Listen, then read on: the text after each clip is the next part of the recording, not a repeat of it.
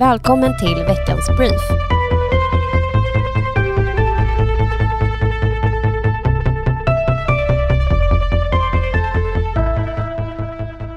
I veckan har ytterligare åtgärder presenterats för att kunna stärka förlossningsvården.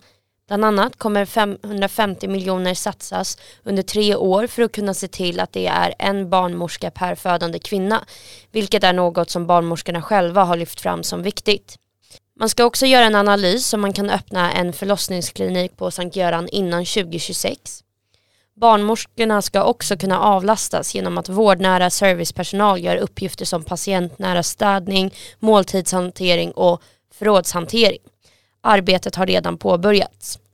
Så här säger finansregionrådet Irene Svenonius om saken. Vi ska genomföra en stor reform av vår förlossningsvård. En barnmorska per födande kvinna vi har tagit fram totalt åtta olika åtgärdsförslag för att förstärka och förbättra förlossningsvården och arbetsmiljön för våra anställda. Vi tillför 550 miljoner kronor under tre år för att också visa att vi sätter pengar för att åstadkomma handling. Det här är inte tomma ord utan det är verkligen ett starkt löfte till våra medarbetare. Nu ska vi genomföra de här förändringarna tillsammans. Det går att läsa mer om åtgärderna på Irene Svenonius Facebook-sida. SL kommer få fler ordningsvakter under kommande år.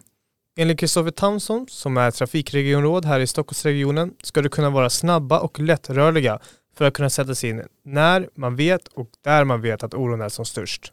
När vi ändå är inne på SL så ska vi uppmärksamma att Moderaterna i Stockholms stad och läns trygghetskampanj har rullat igång. När du åker tunnelbana, pendeltåg eller buss ska du hålla ett extra utkik efter moderata trygghetsbudskap som sitter upphängda runt omkring kollektivtrafiken. Vill du läsa mer om vad vi vill göra för att få ordning på kriminaliteten kan du gå in på moderaterna.se Stockholm. Magdalena Andersson kan bli statsminister. I helgen hade Socialdemokraterna sin partikongress där de bland annat tog beslut om att välja Magdalena Andersson till partiledare. Av flera socialdemokrater beskrivs Magdalena Andersson som en ny positiv vind inom det socialdemokratiska partiet. Men vad blir skillnaden egentligen? Moderaternas gruppledare i riksdagen, Tobias Billström, tror inte att det kommer ske några större förändringar med Andersson i frontsätet. Så här sa han till Stockholmspodden i veckan. Inga av Magdalena Anderssons verktyg i verktygslådan är ju annorlunda än de som Stefan Löfven hade tillgång till. De parlamentariska förutsättningarna är de samma.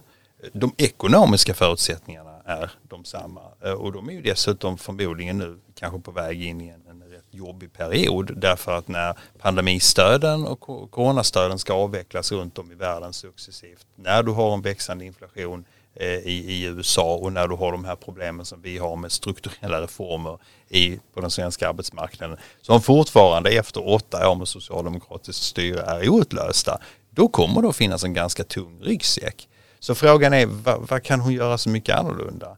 Vi kan göra en massa saker och ting annorlunda, Moderaterna, därför att vi har ägnat de här åren i opposition åt policyutveckling och vi vet mm. vad vi vill med den ekonomiska politiken. Vi står väldigt starka skulle jag säga när det gäller offensiva förslag på alla de viktiga områdena. Arbetsmarknad, integration, frågor som handlar om den ekonomiska politiken generellt. Ehm, så jag skulle säga att, att, att bevisbördan för att det är så himla stor skillnad mellan Stefan Löfven och Magdalena Andersson den, den tror jag måste falla på dem. Jag, jag känner mig inte i stånd att, att nu mm. kunna avgöra att det finns en, en, en, en så att säga en, vad ska jag säga, en väsensskild eh, åtskillnad de två mellan. Magdalena Anderssons nästa mål är såklart att bli Sveriges statsminister och efterträda Stefan Löfven som i veckan begärt sig entledigad. Centerpartiet med Annie Lööf i spetsen har valt att stödja Magdalena Andersson som ny statsminister efter att ha nått en överenskommelse gällande strandskyddet och skogen med Miljöpartiet. Men för att Magdalena Andersson ska bli statsminister behöver hon ju också få stöd från Vänsterpartiet, det parti som avsatte Stefan Löfven i juni i år. Partiledare Nooshi Dadgostar säger att hon ser Magdalena Andersson som Vänsterpartiets statsministerkandidat.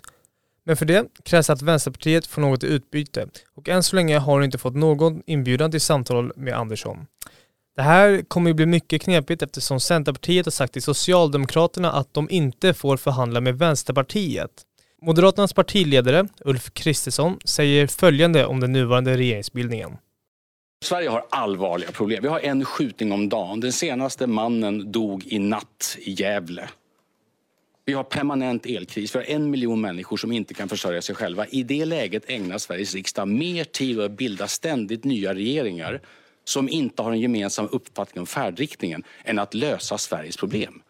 Det här är en orimligt sätt att sköta Sverige. Vi måste få ordning på Sverige. Det går inte med en regering som inte är överens om tagen. Igår gav ju Centern beskedet att de för tredje gången på tre år vill bilda en ny socialdemokratisk regering. Och då är det helt enkelt inte möjligt att bilda en borgerlig regering. Jag beklagar detta naturligtvis. Centern kan tänka sig att bilda en socialdemokratisk regering som förhandlar med Vänsterpartiet men inte en borgerlig regering som förhandlar med Sverigedemokraterna. Det är ett nytt besked.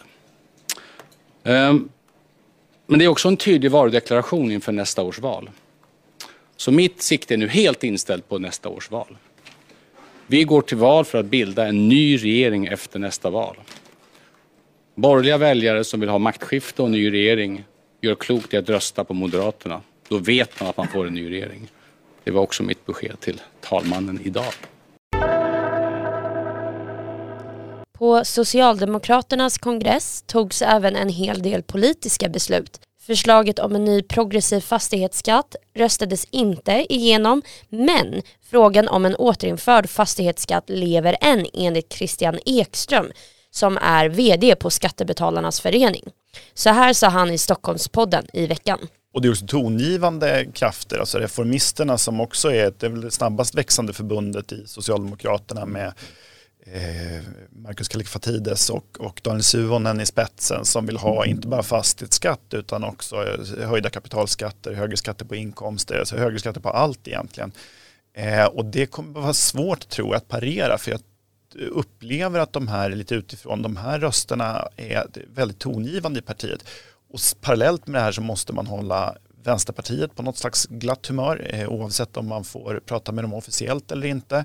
Eh, och man har också en blödning åt vänster. Så att jag uppfattar att det finns få eh, tongivande socialdemokrater i debatten som säger håll an, håll tillbaka. Vi har ingen riktig kanslihushöger idag som på, på 80-talet och 90-talet utan nu är det vänsterkrafterna som dominerar agendan och det kommer att, när de smittar ner debatten med den typen av retorik så kommer det att, att sprida sig också i partiet. Så jag tror att det riktigt intressanta är kanske inte i första hand vad, vilka beslut som fattades på kongressen utan vilket internt tryck som finns på Magdalena Andersson till efter nästa val. Jag tror att det är där de stora avgörandena kan göras. Och jag är inte alls säker på att fastighetsskatten är förd av dagordningen annat än inför det här valet. För Magdalena Andersson vet att det är ett riktigt sänke.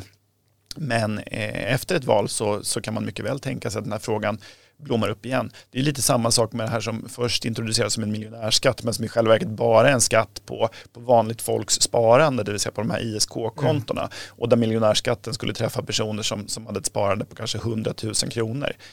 Eh, den typen av frågor kommer att komma tillbaka och höjda kapitalskatter har man överlag pratat om.